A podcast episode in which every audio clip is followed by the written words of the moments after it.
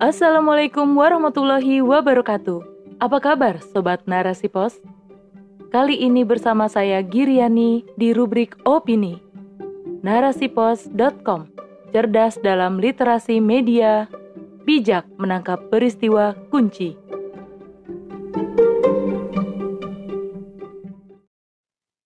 Vaksin booster sebelum mudik, ketidakadilan terhadap umat muslim – oleh Dian Avianti Ilyas. Setelah dua tahun sebelumnya, pemerintah melarang masyarakat Indonesia untuk mudik lebaran akibat pandemi COVID-19. Presiden Joko Widodo secara resmi mengumumkan bahwa mudik pada perayaan Idul Fitri 2022 kini diperbolehkan. Hal ini diutarakannya pada saat konferensi pers daring dari Istana Merdeka pada Rabu 23 Maret 2022. Kabar ini bak angin segar bagi perantau yang tengah mengadu nasib di kota-kota besar.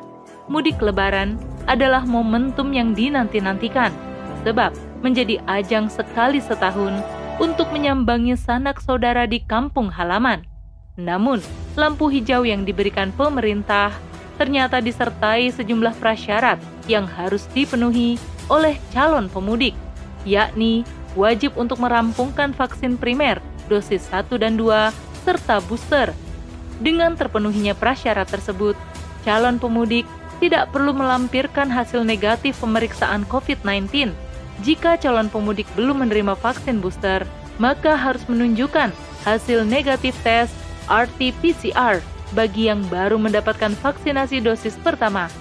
Sedangkan mereka yang telah divaksinasi dosis kedua cukup melampirkan hasil negatif rapid test antigen.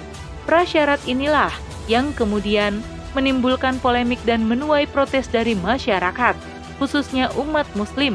Sebab melihat kebijakan yang bergulir senantiasa bersifat tajam jika berkaitan dengan ibadah dan perayaan agama Islam. Namun, kebijakan rezim menjadi lunak jika menyangkut perhelatan lainnya. Mengapa demikian? Pagelaran MotoGP Mandalika yang baru saja usai, serta perayaan Imlek, Hari Natal, dan Tahun Baru beberapa waktu lalu, yang tidak ada ketentuan vaksin booster dalam penyelenggaraannya adalah sederet fakta yang menyiratkan kesan ketidakadilan pemerintah terhadap rakyatnya. Padahal, perayaan-perayaan tersebut tidak ada bedanya dengan mudik lebaran, sama-sama menyebabkan kerumunan dan interaksi antar manusia. Selain itu, pemerintah juga memberikan pelonggaran pada pelaku perjalanan luar negeri atau PPLN yang mana mereka bisa terbebas dari karantina hanya dengan menunjukkan hasil tes negatif RT-PCR dan telah vaksin dosis kedua, sama sekali tidak diwajibkan untuk vaksin booster. Padahal, pemudik maupun PPLN sama-sama memiliki faktor risiko penularan.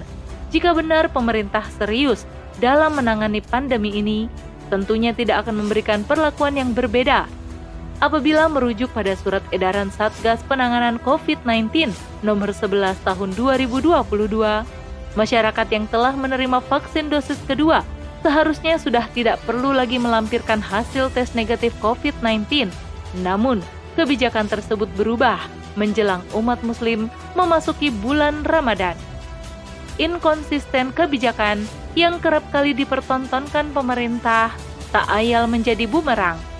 Kepercayaan rakyat atas pelayanan publik hari ini kian redup, bahkan bisa memantik masyarakat untuk melanggar protokol kesehatan.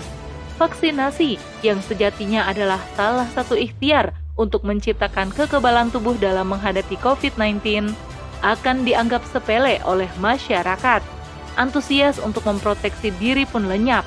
Pemerintah, sebagai pihak yang bertanggung jawab memberikan pelayanan terbaik, justru menjadi penyebab masyarakat yang tak acuh akibat kebijakan yang pelin-pelan.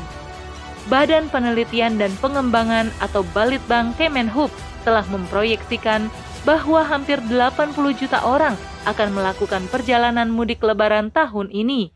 Di sisi lain, laporan pemerintah pada 28 Maret 2022 menyebutkan bahwa capaian vaksin booster nasional baru menyentuh angka 9,75 persen.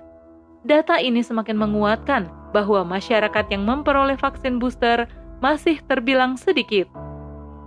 Dengan dikeluarkannya kebijakan vaksin booster sebagai syarat mudik, 80 juta orang yang diperkirakan akan mudik tersebut bisa dipastikan banyak yang belum mendapat vaksinasi booster.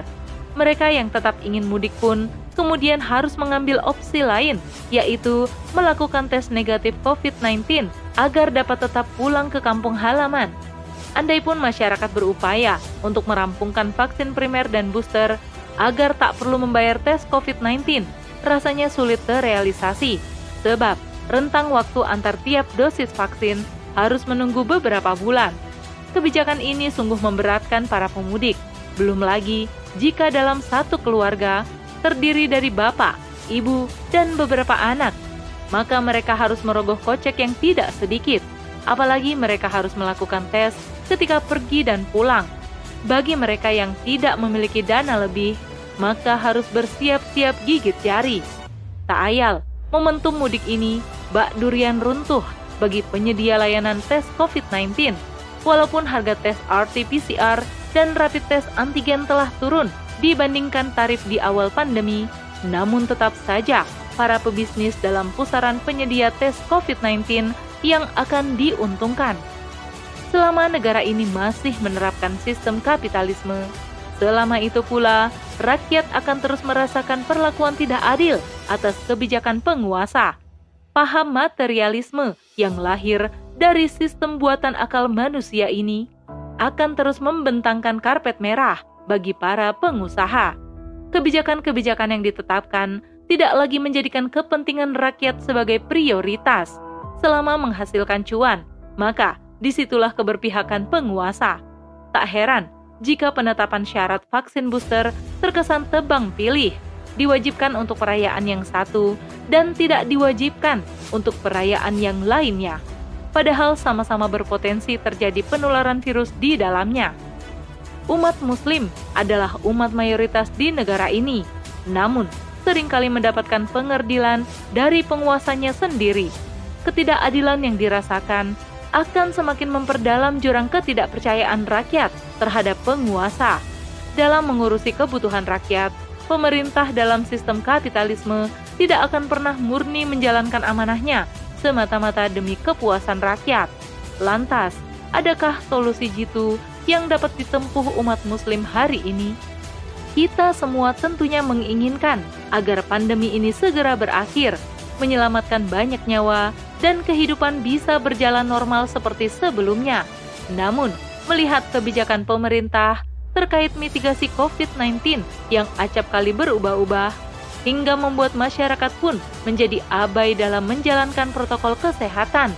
Rasanya, semua itu akan sulit terwujud jika berharap pada penguasa dalam sistem hari ini. Islam meniscayakan hadirnya pemimpin sejati, pemimpin yang menegakkan aturan secara tegas tanpa tebang pilih, apalagi jika menyangkut nyawa rakyat. Kebijakan yang akan diambilnya tentu tanpa motif kepentingan, baik ekonomi ataupun politik. Pemimpin dalam Islam atau khalifah sangat memahami betapa besar pertanggungjawaban akan amanah yang ada di pundaknya. Ketakwaan yang tersemai dalam naungan penerapan Islam kafah menjadikan seorang khalifah begitu berhati-hati dalam menetapkan sebuah kebijakan. Khalifah akan memperhatikan jangan sampai ada rakyatnya yang terzolimi. Rasulullah Shallallahu Alaihi Wasallam bersabda dalam hadis riwayat At-Tirmizi, sesungguhnya manusia yang paling dicintai oleh Allah pada hari kiamat dan yang paling dekat kedudukannya di sisi Allah adalah seorang pemimpin yang adil.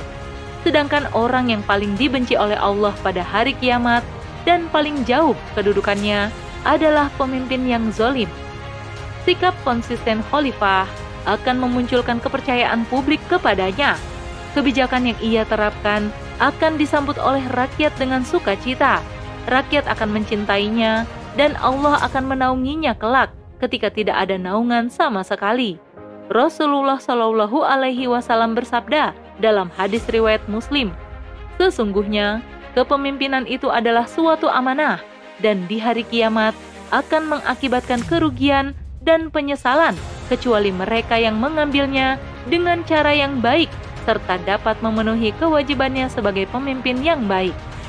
Khotimah Masuknya bulan Ramadan seharusnya menjadi momentum bagi penguasa hari ini untuk mengintrospeksi diri. Kebijakan pelin-pelan dan terkesan tebang pilih hanya akan membuat rakyat yang dipimpinnya kelak akan menuntutnya di hadapan Allah Subhanahu wa taala. Sudah saatnya umat beralih kepada sistem sohih berlandaskan wahyu Allah Subhanahu wa taala, yakni sistem Islam.